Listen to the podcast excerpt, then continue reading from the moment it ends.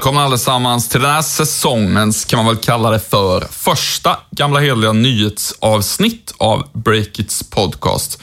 Vi har ju kört en rad sommarpoddar med guidande material, men nu är det nyheter igen. Jag heter Ola Aronsson och jag är VD på Breakit och med mig finns vår eminente nyhetschef Jon Mauno Pettersson. Mm, så är det. Tillbaks på redaktionen igen. Hur mår du? Eh, Jag mår bra, får jag väl säga. Lite ringrostig så här när man är tillbaka efter semestern, men det känns kul att vara igång igen. Själv? Ringrostig finns det ingen tid för. Här eh, nej. snurrar hjulen snabbare än någonsin. Jag själv är egentligen inte sådär jätteutvilad efter semestern. Jag tycker man gör för mycket på sina semestrar. Eh, Jag sa till min sambo att man kanske borde gå i munkkloster nästa semester för att bli totalt mentalt eh, avkopplad. Men sånt gör ju rika personer har jag förstått, lite då och då. Ja, nej, men precis. Dessvärre är jag ju inte rik överhuvudtaget än. Eh, Vacker dag. ingen som har köpt upp så att vi har fått möjlighet att casha in. Men eh, kanske blir det i framtiden, både du och jag, vem vet. Eh, vet. Du, vad ska vi prata om idag? Eh, vi har ett fullspäckat program idag skulle jag säga. Eh, vi ska prata om den kinesiska motsvarigheten till Tinder som har startats av ett svenskt par. Och så ska vi prata lite om eh, att Facebooks, Facebook tycks ha fått slut på annonsutrymme. Du har grävt lite i deras rapport och vi ska prata lite om vad det kommer innebära. Och sen blir det lite spaningar från årets årsredovisningsskörd samt att du ska få såga Zlatans nya spel tänkte jag innan det ens har släppts. Åh, vad underbart. Eh, du, först har vi fem korta, snabba nyheter från veckan som har gått. Eh, jag börjar. Eh, du Jon kunde ju i veckan berätta att matkriget i Stockholm har skördat ett eh, offer. Vi har ju tidigare kunnat rapportera om att matbeställningstjänsten Saffron gick i konkurs och det nya nu som du kan avslöja det är att även Waitress, som också är en eh, restaurangbeställningsapp, de har gått i konkurs, eller de har likviderats ska vi säga för att Yes. vara formella.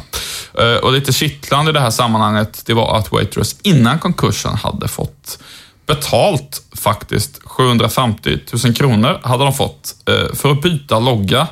De här pengarna kom från konkurrenten Foodora som hade en logga som såg ja, i princip likadan ut. sjukt lik, så Ja. gå in på breaket och titta. Det är spännande faktiskt. Ja. Vem som var först, det vet vi inte riktigt. Nej, men de är lika som bär, som det hette i kvällstidningsspalterna på Precis. 90-talet. Eh, fler nyheter i det här Yes. fem någorlunda snabba. Ja, igår stod det klart att Disney kommer ta bort allt sitt innehåll från Netflix. Eh, Disney, det är ju en väldigt framgångsrik aktör, men som har hotats av en rad andra aktörer senaste tiden. Och nu ska de istället lägga sina filmer på en egen streamingtjänst, eh, tanken.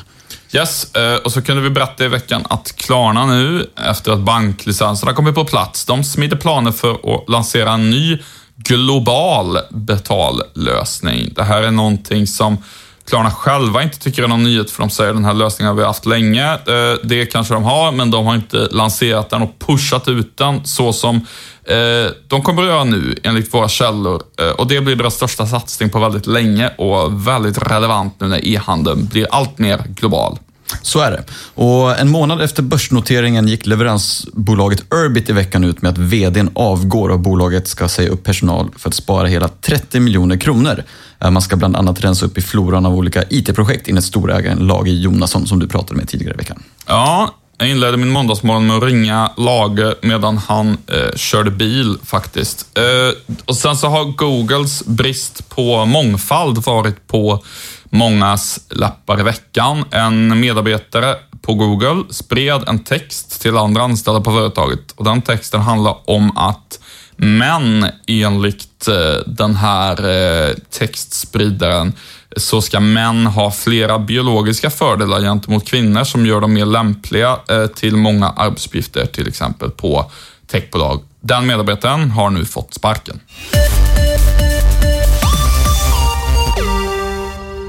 Ja, den här veckan har vi med oss Rackfish som huvudsponsor och vi ska prata om hur Rackfish använder den senaste tekniken för att göra kundernas sajter maximalt snabba.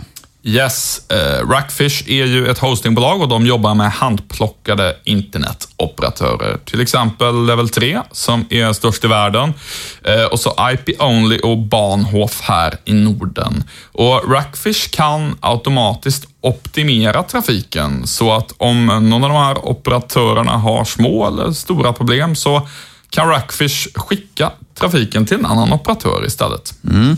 Och Rackfish var ju först i Sverige med att börja använda en teknik från företaget Noction som går ut på att en eh, algoritm skriver om reglerna för hur internettrafik ska färdas vid behov. Eh, på så vis kan en sajt som annars legat nere eller haft hackande video ändå få topprestanda. Väldigt smidigt måste jag säga. Mm. Vill ni veta mer om Rackfish eller Noction så kan ni till exempel mejla grundaren Johan Olde på johan.rackfish.com. Gör gärna det och nämn att ni hörde om det här på Breakit. Eh, tack Rackfish! Ja du Olle, nu ska vi prata lite om Facebook, eh, bolaget som tycks ha ett järngrepp om den digitala världen. Men allt är inte frid och fröjd för Mark Zuckerberg, inte enligt dig åtminstone. Nej, eh, ibland kan det nästan kännas som att eh, journalister greppar lite efter halmstrån där. Mm. Eh, Facebook har ju tagit eh, väldigt mycket av den annonsmarknad som eh, medier tidigare hade mer eller mindre monopol på. Och då kan det förstås ibland verka väldigt lockande att skriva ner Facebook. Men det här handlar inte om det, utan det här handlar faktiskt om någonting som Facebook själva är väldigt tydliga med att det är, även om de inte själva skulle beskriva det som ett problem, men ja, låt oss kalla det en utmaning. Det, det, går de i princip med på i sina offentliga kommentarer. Mm. Och vad handlar det om? Jo, eh, det handlar om att eh, Facebook har slut på annonsutrymme i Newsfeed. Det är så att när man läser Facebooks eh, senaste kvartalsrapport, eh, som jag har gjort, så kan man ju se att det har gått ohyggligt bra för dem senaste året. Men när man också läser de frågor som de har fått från analytiker och andra efter rapporten eh, och kommentarer från eh, placerare och så vidare, står det ganska tydligt eh, att Facebook, de vill inte trycka in fler annonser i den så kallade nyhetsfeeden Alltså, ja, där man ser vad som har hänt på Facebook, där eh, säkert nästan alla som lyssnar här är inne typ dagligen eller flera gånger i veckan och scrollar neråt och mm. får upp eh, nyhetsvideoklipp och uppdateringar från vänner och allt möjligt. Eh, och där har de i princip eh, sålt slut och eh, det är deras problem. Det går för bra? Ja, det skulle man kunna säga. Eh, det är ju förstås, man skulle kunna argumentera för att kan de inte bara höja priset och så vidare, men Eh, och det, kan man, det sker ju också automatiskt när det är hög efterfrågan, men den här jättetillväxten som Facebook har, det beror ju på att de eh, har vuxit väldigt, väldigt mycket i antal användare och att allt fler annonsörer har börjat använda Facebook. Mm. Eh, nu kan de ju inte växa riktigt lika snabbt i antal användare för att de har redan flera miljarder och dessutom är det ju så att nu använder liksom redan nästan alla stora företag sådär Facebook-annonsering och folk kan liksom inte vara mer Facebook-beroende än vad de är idag egentligen. Det, det är svårt för dem att, att skapa mer annonsutrymme där. Men de vill ju ha mer pengar givetvis och vad, vad, ska de göra? Jo, uh, det är ju så att uh, de måste helt enkelt uppfinna en ny sån här kommersiell uppfinning. Uh, så som de gjorde med Newsfeed. Mm. Det är ju i kommersiell mening verkligen deras största uppfinning, det här beroendeframkallande scrollbaitet som jag brukar kalla det för istället för clickbait. De vill bara få en att scrolla neråt och neråt och neråt. Mm. neråt. Det gör man. Uh, ja, det gör man ju verkligen. Och, uh, det där ska för övrigt Google lansera ett projekt för att försöka kopiera nu. Mm. Väldigt intressant. Men för Facebooks del så handlar det ju om att kommersialisera andra saker de äger. Och det är framförallt Messenger och WhatsApp. och det här måste de göra. eller de måste göra det för att kunna ha fortsatt lika stark tillväxt kan man säga. Och jag såg så sent som i veckan att WhatsApp söker flera personer som ska ägna sig åt kommersialisering så att man kan se på vilka befattningar de söker folk till, att, eh, att det är vad som kommer hända. Men hur ska det gå där då? Kommer de pressa in annonser i WhatsApp-konversationerna eller vad, vad tror du? Ja, men det är ju det här som är intressant. Facebook har ju säkert tittat mycket på kinesiska bolag som WeChat som har lyckats ganska bra med det där. Men eh, det är ju inte alls säkert att det går att göra samma sak som, som WeChat har gjort i liksom alla marknader där, där Facebook verkar.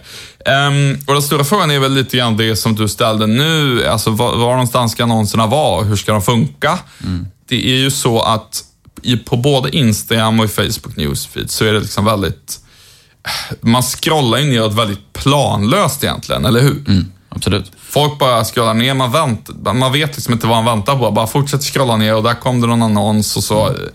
Och um, det där beteendet finns ju faktiskt inte riktigt i meddelande form. Du scrollar ju inte neråt och söker efter efter, eh, har jag liksom något meddelande här, eh, elva rader ner någonstans. Det finns ju inte, utan det de flesta människor gör är ju, man skickar meddelanden till en ganska liten grupp personer i både WhatsApp och sms och Messenger. Och det är egentligen det du gör där inne. Så att, eh, att till exempel låta halva skärmen täckas av annonser eller låta företag börja skicka meddelanden till dig. Det känns ju faktiskt lite sådär, eller vad säger Det känns du? väldigt sådär och det känns som att man kommer lämna den meddelandetjänsten ganska snabbt om det blir störigt, tror jag. För man gillar ju det rena formatet. WhatsApp är ju väldigt rent i dagsläget och alla andra också för den delen. Verkligen. Och det här är den stora utmaningen för Facebook. Det kommer säkert bli en massa experimenterande och de är ju väldigt smarta och duktiga, vilket i sig talar för att de kommer lyckas med det på något sätt. Eh, Men jag tycker det finns några saker som faktiskt på riktigt talar emot de här. Och eh, dels är det det vi har pratat om, alltså att det lättare kan bli störande. Och det andra, det är att det faktiskt finns riktiga konkurrenter.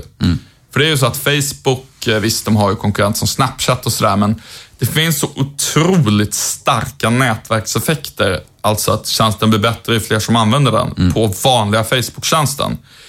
På meddelanden finns det ju inte riktigt det på samma sätt. Utan det finns konkurrenter som Apples iMessage till exempel, som i princip funkar lika bra. Och eh, nätverkseffekt, ja det finns ju en viss sån även i meddelandetjänster, men om man ska vara ärlig så jag skriver med ungefär fem personer i Messenger-appen och de andra kunde lika gärna kvitta. Alltså de skulle jag typ kunna ta bort från Messenger och det skulle inte sabba mitt liv så mycket. Och eh, Apple kommer ju inte köra några annonser där, det tror jag verkligen inte. Så det, det är ganska lätt för folk att byta på så vis. Eh, och sen finns det faktiskt, tror jag, möjlighet för lite andra konkurrerande bolag att eh, slå sig in där. Och där har vi eh, en liten, liten potentiell Sverigevinkel. Det gillar vi på Breakit. Berätta. Jo, eh, jag såg att Truecaller-grundaren eh, Allan Mamedi, han retweetade en artikel från sajten TechPP, TechPP skrivs den. Och det var en Indien-baserad skribent som har skrivit en artikel med rubriken Truecaller has the potential to become the messaging app Android never had. Oh, det låter ju stort. Ja, och där är de... Vad var resonemanget? Eller hur ska man tolka det där? Nej, men eh, så här. Resonemanget var följande. Android har liksom inte haft någon motsvarighet till iMessage, någon meddelande app som har funkat lika bra. Därför använder folk som Android i ännu högre grad typ eh, Messenger och framförallt WhatsApp då i, på utvecklingsmarknader och sådär. Google har försökt lösa det här med Allo, eh, har hittills liksom inte erövrat världen på något sätt. Ehm, och Truecaller har ju ehm, faktiskt börjat implementera en hel del tjänster som, som gör att de blir mer relevanta som meddelandetjänst. Um, då många känner ju kanske igen dem som vad ska man säga, nummerpresentatör och så, att de håller borta telefonförsäljare och så, men faktum är att Truecaller har ju introducerat en rad nya tjänster som i princip innebär att de eh, kan ersätta de här inbyggda ringa-knappen och sms-knappen i mobilen så att de blir smartare. Och då ligger det inte alls långt borta att man också blir i princip en meddelandetjänst, ja, som en sms-tjänst egentligen. Ehm, och på de här marknaderna som Indien och Pakistan, där Truecaller är ganska stora, så är det um, ingen omöjlighet att de kan växa väldigt mycket på eh, meddelanden och jag tycker också att deras tänkta affärsmodell är egentligen den som jag tycker passar eh, bäst i den typen av app. Mm. Och det... Eh, ja, alltså, så här är det. Truecaller ska ju förenklat eh, kunna tjäna pengar på någonting som påminner om, eh, eh, ja, det påminner om sökannonsering ungefär.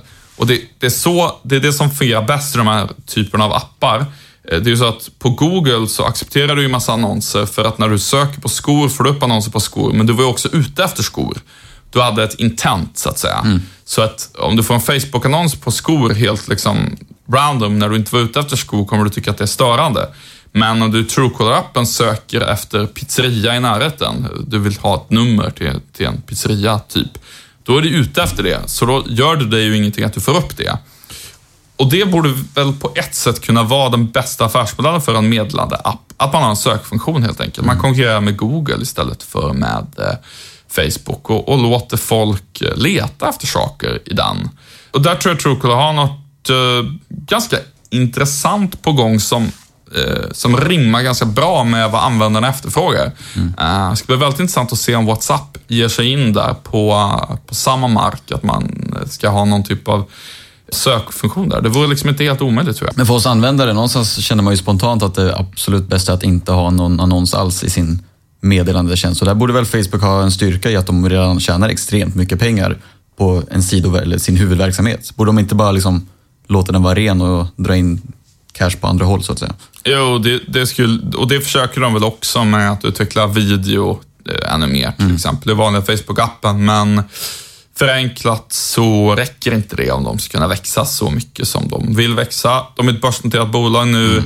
Eh, förväntningarna är extremt högt eh, ställda och så här, hade jag ägt Facebook helt privat, 100% mm. själv, ja, då kanske det är många saker jag hade gjort då, men då hade jag också tyckt som du, att nej, men kan man inte ha det som en helt ren upplevelse, bara använda det för att samla in data om folk som jag sen använder för att presentera mm. annonser på ställen där annonserna eh, är mer accepterade så att säga. Men jag tror inte de kommer göra så. De kommer satsa på annonser i meddelandetjänsterna och det ger bolag typ eh, Apple, men kanske också Truecaller vissa möjligheter om användare börjar söka sig till eh, tjänster där annonser inte finns eller inte finns på ett störande sätt. Så är det. Så det blir spännande oavsett, så följa. Veckans mest kittlande eh, nyhet här på hemmaplan i Sverige är väl annars att Alibaba investerar i Tantan. Mm, visst, det var ju helt klart en bomb får man säga. Eh, och innan vi går in på just den affären så tänker jag att vi kanske kan prata lite kort om själva appen Tantan och storyn bakom. Eh, för det är ju trots allt en svensk app får man säga, som majoriteten av svenskarna sannolikt aldrig har använt eller känner till egentligen. Men samtidigt så används den ju av miljoner människor varje dag. Ja, så verkligen. Det påminner ju lite grann på ett sätt om, om, om Truecaller som vi pratade om nyss. Det är Eh, Eh, ett i grunden svenskstartat bolag, men som har alla sina användare i Asien. Du kan väl dra lite bakgrund om ja, Tantan-storyn? Mm, absolut. Eh, appen kan väl enklast beskrivas som en eh, kinesisk datingapp, en så kallad Tinder-kopia som vi journalister gillar att sätta som epitet, kopior på saker som liknar något vi känner till. Och Det fungerar så som jag har förstått jag har inte använt appen själv, men att det ska fungera ungefär som Tinder. Det vill säga att du ser bilder på personer i din närhet och sen swipar man höger eller vänster beroende på om man vill lajka dem eller inte. Eh, och appen har växt i raketfart i Kina de senaste åren och sett till användare och ja, verksamhet som helhet. Man har eh, så sent som i våras tog man in riskkapital en halv miljard och appen värderades till 2,2 miljarder i samband med det. Så det är full fart framåt helt enkelt. Verkligen, och även rensat för Alibaba då så var det inga småspelare som investerade. Det var ju till exempel YY som är lite av ett Facebook Live i mm. Kina eh, där man kan typ dricksa folk som är duktiga på att sjunga och annat. Flera tunga riskkapitalbolag, både kinesiska och amerikanska och även en del svenska investerare. Men eh, nu i veckan kom även Alibaba in och det är ju onekligen det mest intressanta. Ja, exakt. Vad ska vi säga om Alibaba då? Många känner ju såklart till den här giganten. Men det är ju Kinas riktiga storspelare inom e-handel, men som numera även har en mängd kringverksamheter. Och det är ju allt från den här typen av investeringar till finansiella tjänster och bolaget omsatte typ 190 miljarder under sitt förra verksamhetsår och växer liksom jättesnabbt fortfarande. Så det är ja, helt klart 50 procent per år växer ja, de ungefär, vilket känns helt otroligt mm, när man har är, den typen av omsättning redan. Så det är en riktig, riktig tungviktare som, eh, som appen har fått in som ägare nu, helt enkelt. Ja, och det är förstås också en betydelsefull investerare. Det handlar nog inte främst om pengarna som Alibaba kan bidra med till Tantan, utan det finns nog eh, kontakter, kunskap, eh, råd och annat som kan vara väldigt, eh, väldigt värdefulla för ehm, grundarna helt enkelt, när de ska försöka skala upp det här bolaget ytterligare. Mm. Ja, men så är det ju. Och, så detta är ju såklart en riktig nyhetsbomb får man ju säga. Men trots detta så har det här bolaget entreprenörerna bakom paret Yu och Sofia Wang så är de, de är tämligen okända får man ju säga. Vi har ju skrivit om dem i några år nu, men den, för den breda massan så är det nog ingen som känner till dem. Nej, absolut inte. Inte i Sverige. De har ju ändå en väldigt spännande story också, så det är ju lite synd kanske att den inte har kommit ut bredare än. Ja, du kanske kan dra lite kort. Ja, jag kan dra superkort. Då. Det, resan tar avstamp i Rinkeby här i Stockholm, eh, dit Yu Wang flyttar som sjuåring från Kina med sina föräldrar som skulle gästforska här i Stockholm, vill jag minnas. Uh, jo blev kvar i Rinkeby och Tensta under sin uppväxt och sen började han plugga på KTH samtidigt som han spelade massa dataspel, bland annat Quake som han blev enligt egen utsago topp 10 i världen. Obekräftat. uh, sen träffade han sin fru Sofia som pluggade på Handels och de två bestämmer sig senare för att flytta till Kina och startade sociala nätverket P1. Och detta var innan WeChat uh, tog över marknaden totalt där. Men det flög väl inte riktigt som jag förstod det och man började utveckla diverse appar och sen för tre år sedan kickade man igång Tantan. Så det Just var det. hans liv i på en minut ungefär. Ja, nej, men det var väl komprimerat om hur eh, Tantan kom till och historien bakom det. Nu ska det här bolaget kommersialisera sig och börja dra in pengar helt enkelt, säger de. Hur ska det gå till? Ja, men det ska gå till eh, via så, så kallade VIP-medlemskap och förmodligen också olika premiumfunktioner i appen. Jag kan tänka mig att man har tittat en hel del på hur Tinder har jobbat väldigt eh, framgångsrikt. Där kan man ju dels betala för att få fler swipes, det vill säga att du kan bläddra bland ännu fler killar och tjejer. Betalar du för det då? Då betalar man det, eller inte i början. Du har ju Ja, betalar du för det? Om jag betalar för det? Ja. Nej, men jag använder inte Tinder Nej, jag förstår. längre. Och sen eh, så kan man också betala för att synas. Liksom, så fort du startar Tinder, så vill, eller Tantan, då ska du synas direkt till exempel. Så den typen av olika funktioner, att man vill förbättra sina odds för att hitta kärleken. Typ. låter ju helt fantastiskt. Eh, Jag läste ett, um, skämt åsido, det, det här är ju som Breakers krönikör Tom Chong har ehm, eh, Tom Chong har tidigare påpekat på ett väldigt bra sätt i en krönika att det här blir en helt annan typ av tjänst i Kina än i Sverige. Helt enkelt eftersom föräldrar sätter en betydligt hårdare press på sina barn i Kina om att man ska hitta en partner och gifta sig. Jag tror att Tom skrev någonting i stil med att ehm, mamma ringer dig varje vecka och frågar att har du hittat den rätte än? Och eh, eh, det säger väl någonting om att då, blir det ju en annan typ av nödvändighet med den här typen av eh, tjänst. Just det. Och ska man kolla på användare och hur det går för Tantan så har de idag 60 miljoner eh, reggade användare läste jag på Techcrunch tror jag det var, varav 6 miljoner använder appen på daglig basis. Eh, Så det är ju en väldigt stark siffra och de växer också i snabb takt så vitt jag förstår. Eh, Och marknaden där borta i Kina den är ju gigantisk så att säga. Jo tror jag själv uppskattade den liksom datingmarknaden till 30 miljoner potentiella användare om man vill nå ut till 100 miljoner in på sikt. Tre, 300 miljoner potentiella måste det vara. Ja, 300, förlåt. Ja, och sen vill man nå ut till 100 miljoner dagliga aktiva användare på sikt. Eh, Så det är ju sjukt stor marknad som man, eh, och riktigt superprojekt som man har hoppat på där. Så det ska bli spännande att följa. Vi ska väl fortsätta bevaka dem. Ja, absolut. Vi och Alibaba fortsätter att hålla koll på eh, Tantan som vi båda från lite olika håll har intressen i.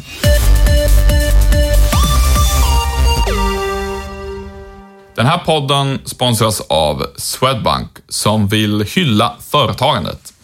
Vi behöver ju nyföretagande i samhället för att skapa nya jobb och sedan 1990 så har faktiskt fyra av fem nya jobb kommit till i just småföretag. Just det. Och nu vill eh, Swedbank göra mer för just entreprenörer som försöker göra skillnad och därför har de dragit igång initiativet Swedbank Rivstart. Och det är en tävling dit alla är välkomna att skicka in affärsidéer.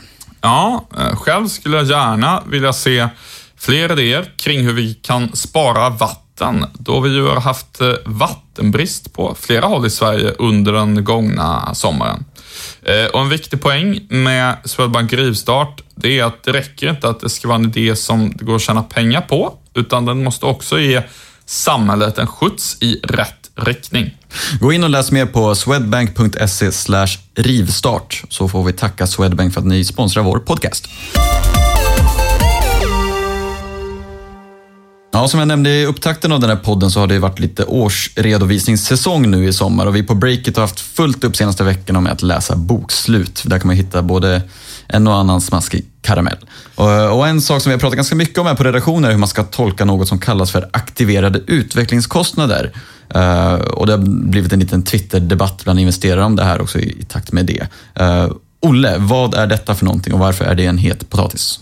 Ja, eh, det är ju nästan så att man somnar direkt när man hör de här eh, redovisningsmässiga termerna. Men eh, jag tycker att som journalist så ska man ha precis den motsatta inställningen. Att när det är någonting som är krångligt, som många tycker är svårt att förstå, då ska vi hugga tag i det med hull och hår och göra det till någonting begripligt. Det är ju vårt jobb. Mm. Och det ska jag göra nu. Ja. Eh, så här är det. Eh, aktiverade utvecklingskostnader är helt enkelt ett sätt att skjuta upp kostnader på framtiden. Eh, nu förenklar jag, men det är som sagt vårt jobb. Det låter ju lite som fusk att man får skjuta upp kostnader på framtiden, men man kan säga att anledningen till att man gör det, det är att man tror att man i framtiden kommer att kunna sälja väldigt mycket av eh, någonting som man har mycket kostnader för idag. Mm. Det allra tydligaste exemplet på det här är när man bygger ett hus kanske. Eh, det är inte så relevant oftast för de företag som Breakit skriver om, men jag tror att alla förstår någonstans att om du lägger massa pengar på att bygga en stor fastighet i Göteborg, då finns det liksom poäng med att du redovisningsmässigt redan på förhand kan räkna med att den där fastigheten kommer kunna ge dig typ hyresintäkter och mm. i framtiden och att den kommer bli värd någonting, eller hur? Ja. Det finns det ju verkligen en poäng med. Eh, bland de företag som Breakit eh, skriver om så används det här oftast av spelbolag som till exempel Paradox och Starbreeze. Och eh, de bygger ju spel som kan ta ganska lång tid att ta fram. Ibland tar det flera år att göra ett eh, riktigt bra spel. Mm. Och då, eftersom de ofta har eh, gjort spel tidigare till ungefär samma målgrupp och vet hur mycket de säljer, så kan de förvänta sig vissa framtida försäljningsintäkter från de här spelen. Till exempel om man har gjort eh, ja, man gör en uppföljare till ett spel som man redan vet har en lojal eh, fanbase. Då, då kan man ju räkna med att några kommer ju köpa det där spelet, eller hur? Just det.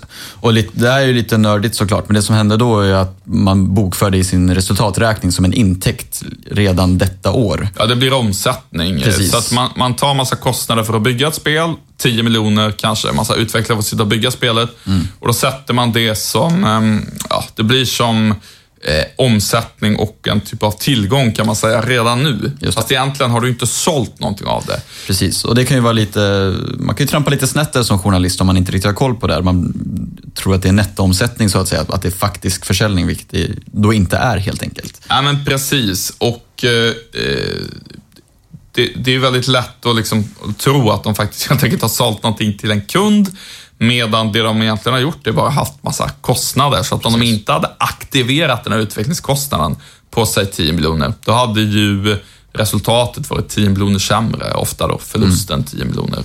Men sen, eh, vi noterar att eh, det är ett gäng startups som gör så här ibland, även bolag som kanske inte på förhand känns helt självklara varför de skulle göra så, eller hur de kan veta ens att det kommer bli en intäkt i framtiden. Uh, vad händer om de inte säljer så mycket som de har väntat sig? Ja, det är det som är problemet. Ah. Att Eh, det här är ju egentligen ett sätt att, att eh, vad ska man säga, skjuta upp en, en kostnadspost eller en förlust. Men man kommer aldrig undan helt, utan Nej. om man säljer mycket lägre än vad liksom den här utvecklingskostnadens, eh, den aktiverade utvecklingskostnadens storlek stipulerar, så att säga, min, mycket mindre än vad man har hoppats på eller väntat sig. Mm. Då måste man göra en nedskrivning senare och då, blir det, då, då kommer den förlusten tillbaka och biter dig i rumpan sen. Mm. Eh, och det här gör ju att det blir lite kontroversiellt för startups, som alltid är lite av en chansning ju. Så är det eh, För jag ansåg att Paradox gör det här. De har ju stabila fans och kan göra uppföljare till vissa spel och så. Jag tycker de har rätt att göra det här. Jag förstår poängen med att man inte ska ha en enorm förlust i två kvartal och sen en grotesk vinst mm. nästa två följande kvartal. Det finns poäng för poänger för ägarna och, och, så med att man liksom kan jämna ut det där. Eh, däremot så har vi ju sett i år när vi har kollat i årsredovisningar till exempel Bambuser har gjort så här eh, med eh, aktiverat utvecklingskostnader. Tycker jag inte är bra. Mm. Ett annat exempel som gjorde mig lite förvånad var att Score, eh, rekryteringstjänsten som jag tycker är ett ehm, på flera sätt väldigt intressant techbolag har aktiverat mycket utvecklingskostnader. Och där får man väl liksom säga att eh, jag inte riktigt är säker på hur man har tänkt där med att eh, ja, varför man är så säker på att den här försäljningen ska komma i framtiden om du förstår vad jag menar. Nej. Eh, det mest anmärkningsvärda under tiden som vi har drivit breaket eh, är väl när jag blev utskälld av miljardären Dan Olofsson. Mm. Eh, Han ringde upp mig efter att vi hade skrivit om att eh, Mix, den så kallade Zlatan-appen, hade gått back. Just det. 200 miljoner, eh, vad det nu var. Eh, Han ringde, han var väldigt arg på mig och så sa han att nej men, man måste skilja på investeringar och förlust. Hade vi inte velat gå back 200 miljoner i årsredovisningen, då hade vi bara kunnat aktivera utvecklingskostnaden istället. Så det hade inte blivit någon förlust. Eh, Mix har nu tagit in, eh, ja, vad ska man säga, det har investerats totalt 300 miljoner kronor i Mix och nu har den lagts ner. Så Ja. det var nog eh, ganska rimligt att de inte aktiverade de här utvecklingskostnaderna. Och eh, vad ska man säga, jag tycker historien ger mig rätt och eh, Dan Olofsson, miljardär och Zlatans kompis eh, får, får fel där tycker jag. Så man ska använda sig av det här när man är väldigt, väldigt säker på att man kommer få intäkter i framtiden. Det är kontentan kan man säga. Ja, precis. Eh, Det, det, jag tycker att de exempel vi har nämnt på när det är bra och när det inte är bra är, är ganska liksom, typiska och lättbegripliga. Eh, Du är uppe på Zlatan, eh, Don Olofssons jaktkompis, så kommer den första trailern till hans kommande actionspel nu i veckan. Vad, vad tyckte du om det där? Eh, ja, jag såg trailern. jag vet inte riktigt vad jag ska tycka. Det, det kändes ju lite, lite, lite för mycket kanske. Jag vet inte. Det är inte ett spel för mig tror jag. Inte? Det, För du gillar ju Zlatan Jag gillar annars. Zlatan, men det kan också bli för mycket Zlatan kanske tror jag. Och han ska ju vara någon form av actionhjälte i rymden och Ja, jag vet inte, vi valde att, vi skrev ju inte om det här den här gången i alla fall. Däremot har vi ju följt Zlatans tech-äventyr lite grann tidigare. Men eh, det kan säkert funka i rätt målgrupp. Varför inte? Ja, det, det, det kan säkert eh, sälja tror jag. Eh, Och ingen skam över dem eh, eh som eh, de journalister som skrev om det här. Eh, jag måste erkänna, ärligt talat eh, säga att hm, det här kan folk säkert... Min reaktion var ungefär att det här kan folk säkert vara intresserade av, men jag tyckte det kändes så övergrabbigt att jag, jag orkade inte ens skriva om det. När Zlatan ska vara någon sorts actionhjälte i rymden. Jag vet inte, hur, hur har man tänkt då? Det är så många frågetecken kring allting bara. Mm. Men det kan ju fortfarande bli ett bra spel såklart. Och det, för Zlatans del så, han bytte väl att de får ha hans namn och sådär i utbyte mot lite... Hans utseende också. Det Utseende, såg verkligen han- ut som att det är Ja, Zlatan det som springer runt där i en rymddräkt. Ja, Det är stort. Men eh, så för Zlatan kan det säkert bli en trevlig affär i slutändan också. Säkert för Isbit också som utvecklar spelet. Men eh, vi får väl se vad det går jag ut på. skulle- Jag vet inte om man ska skjuta fotbollar i rymden eller om man bara ska rädda världen. Det Ja, också- själv skulle jag hellre se ett fightingspel med Zlatan mot Messi. Ja, det vore ju en total överkörning hade det blivit. Ja, ja, det, det beror lite grann på. Du får tänka på Messi, liksom, kanske lite snabbare, lite, lite flinkare. Han duckar bra också undan Zlatans slag. Jag, jag håller, håller på Zlatan. Ja, nej, men han har väl så att säga, em, han är en fighter kan man väl säga. Mm. Men det är väl spännande. Det ska bli spännande att se i alla fall. Jag vet inte när spelet kommer riktigt, men eh, vi håller väl ögonen. Vem vet, vi skriver kanske nästa gång. Mm, och det kan ju förstås bli en jättekommersiell succé för Isbeat Games. Vad vet jag? Eh, Du, vi ska runda av den här podden. Vi ska tacka vår huvudsponsor Rackfish och vi ska också tacka Beppo ljudproduktion som har klippt och spelat in det här på ett som vanligt utmärkt eh, sätt. Ni andra som lyssnar, ni får ta hand om er så hörs vi nästa vecka om inte du och Jon har något eh, som du vill tillägga. Nej, inget att tillägga. Gott, eh, ha det bra. Ha det bra. Hej.